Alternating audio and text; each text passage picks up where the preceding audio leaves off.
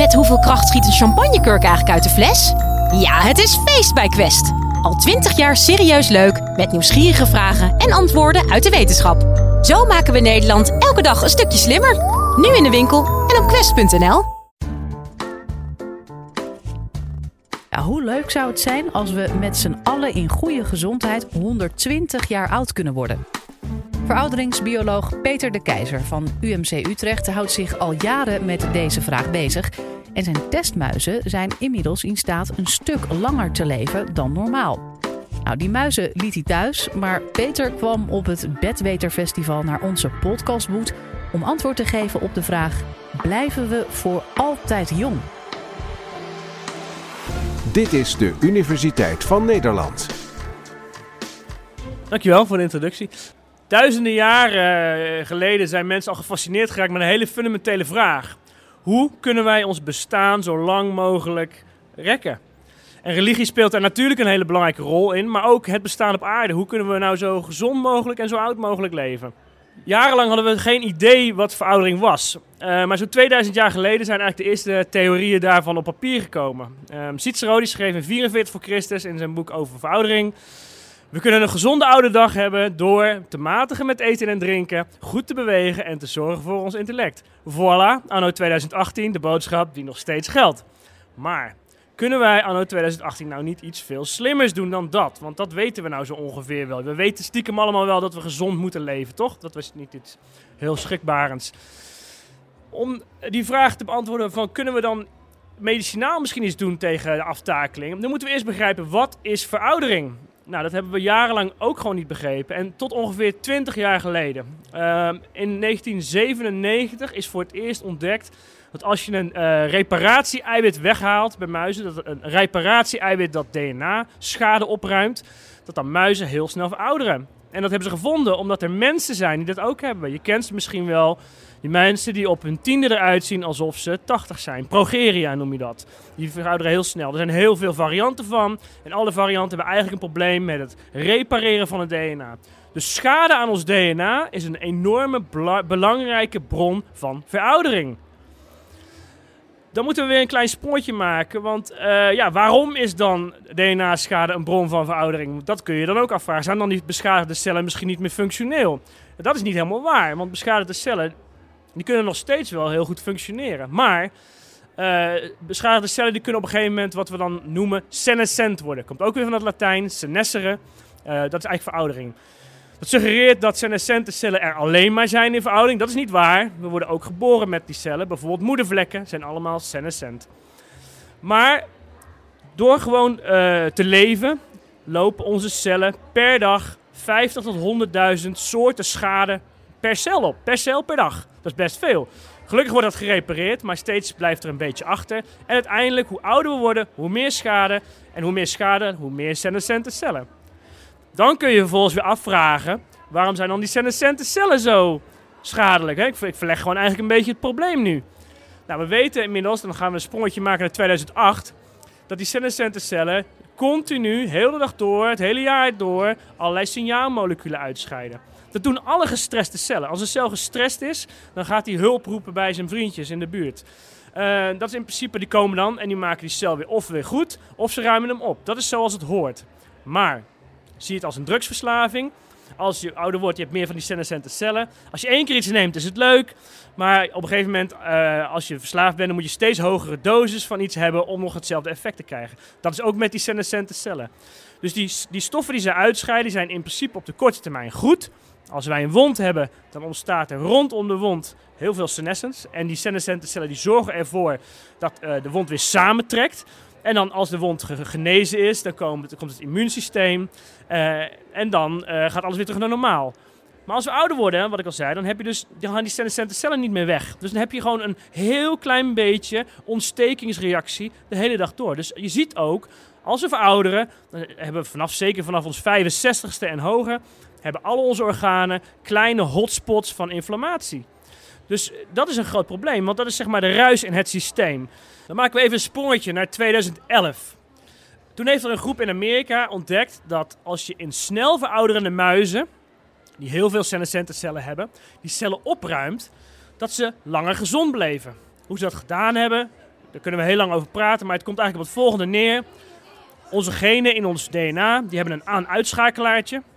En in plaats van dat ze nu een gen, hadden eh, dat, gen pakten dat ze senescence codeerden, hebben ze er een zelfmoordgen achter gezet. Dat werd geactiveerd door een stofje in het drinkwater. Dus alleen als die muizen normaal gesproken senescent zouden worden, en je had een stofje in het drinkwater, dan pleegden die cellen zelfmoord. En zo konden die mensen dus op elk moment in de tijd die muis ontdoen van zijn senescente cellen. Deden ze dat dus in een snel verouderende muis, dan le- bleef die langer goed lopen en zijn organen functioneerden beter. Dat was natuurlijk een enorme doorbraak. In 2016 hebben ze dat herhaald in normale muizen. Dus muizen die echt al oud waren. Dat begonnen ze op anderhalf jaar geleefd. Dan moet je je voorstellen, dat is ongeveer 30, 40 jaar in mensenlevens. Als we dan elke maand die senescente cellen weghalen, dan leefden de muizen 30 tot 40 procent langer. In goede gezondheid. Dus dat is anno 2016, dat is nog niet zo lang geleden. Nou, ik werkte in die tijd in de Verenigde Staten en al in 2009 wisten wij dat dit ging komen. En ik heb me toen afgevraagd, kunnen wij dit ook met stoffen voor elkaar krijgen? Dan moet je, ja, nou, dat is natuurlijk makkelijker gezegd dan gedaan. Hoe maak je nou een stof tegen senescente cellen? Wat we toen gedaan hebben, is eigenlijk gekeken waarom blijft een senescente cel leven? Want die senescente cel is onherstelbaar beschadigd. En in principe kan schade ook tot celdood leiden. Dus waarom kiest de ene cel nou voor dood en de andere voor senescence? Dat heb ik me afgevraagd. Toen ontdekte ik dat er een eh, complex van twee eiwitten voorkomt en, eh, in die senescente cellen. En dat zorgt ervoor dat ze in leven blijven. Je kan ze Bert en Ernie noemen, Jip en Janneke. Officieel heten ze het ene eiwit FOXO4 en de andere is P53.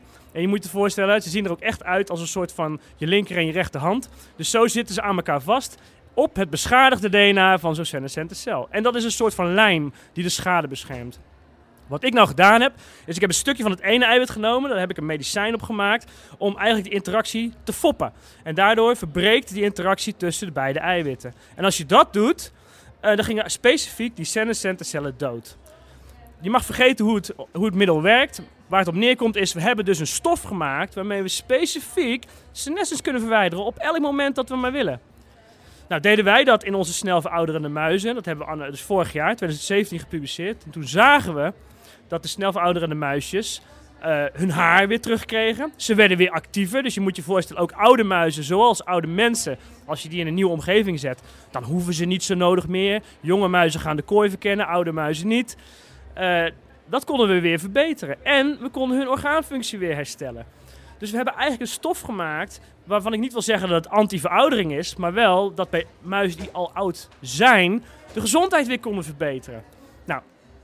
Zoals dit onderzoek zijn er meerdere. Ik ben niet de enige in de wereld die hiermee bezig is. Er zijn nu 10, 20 soorten onderzoek die allemaal laten zien dat het mogelijk is om het leven 20, 30, 40 procent te rekken in muizen.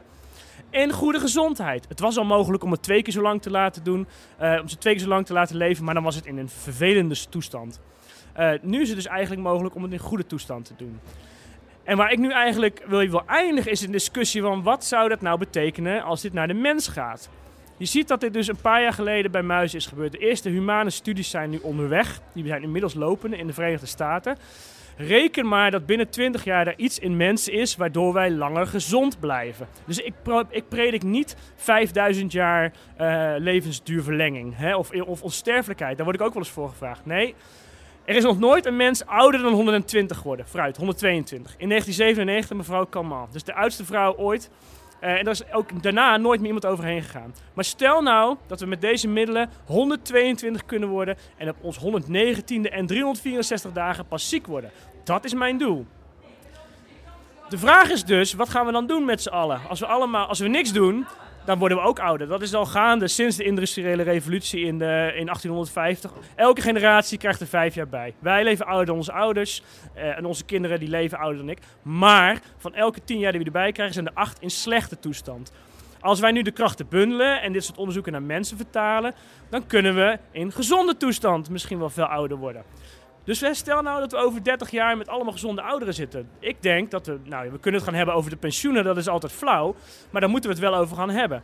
We moeten ook kijken, het voordeel is dat we bijvoorbeeld minder ziek gaan worden. Dus dat we heel veel zorgkosten gaan besparen. Ik krijg vaak de, vaak de vraag, wordt het niet te duur? Het tegenovergestelde is waar. Want we gaan besparen op mensen in het ziekenhuis. Je geeft nu 80% van je budget aan zorg uit in de laatste drie jaar van, het van je leven.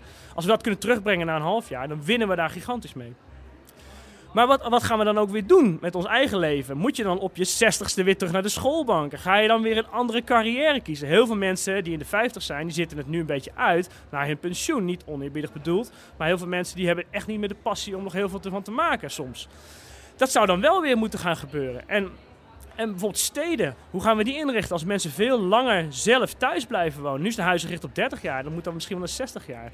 Dus zijn allemaal praktische vragen waarvan ik denk dat we daar met z'n allen nu over moeten gaan nadenken. Want over 30 jaar is het realiteit.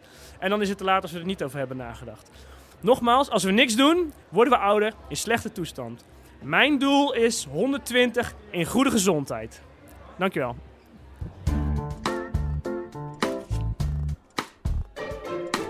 Dit was de Universiteit van Nederland. Wil je nou nog meer wetenschappelijke antwoorden op spannende vragen? Check dan de hele playlist.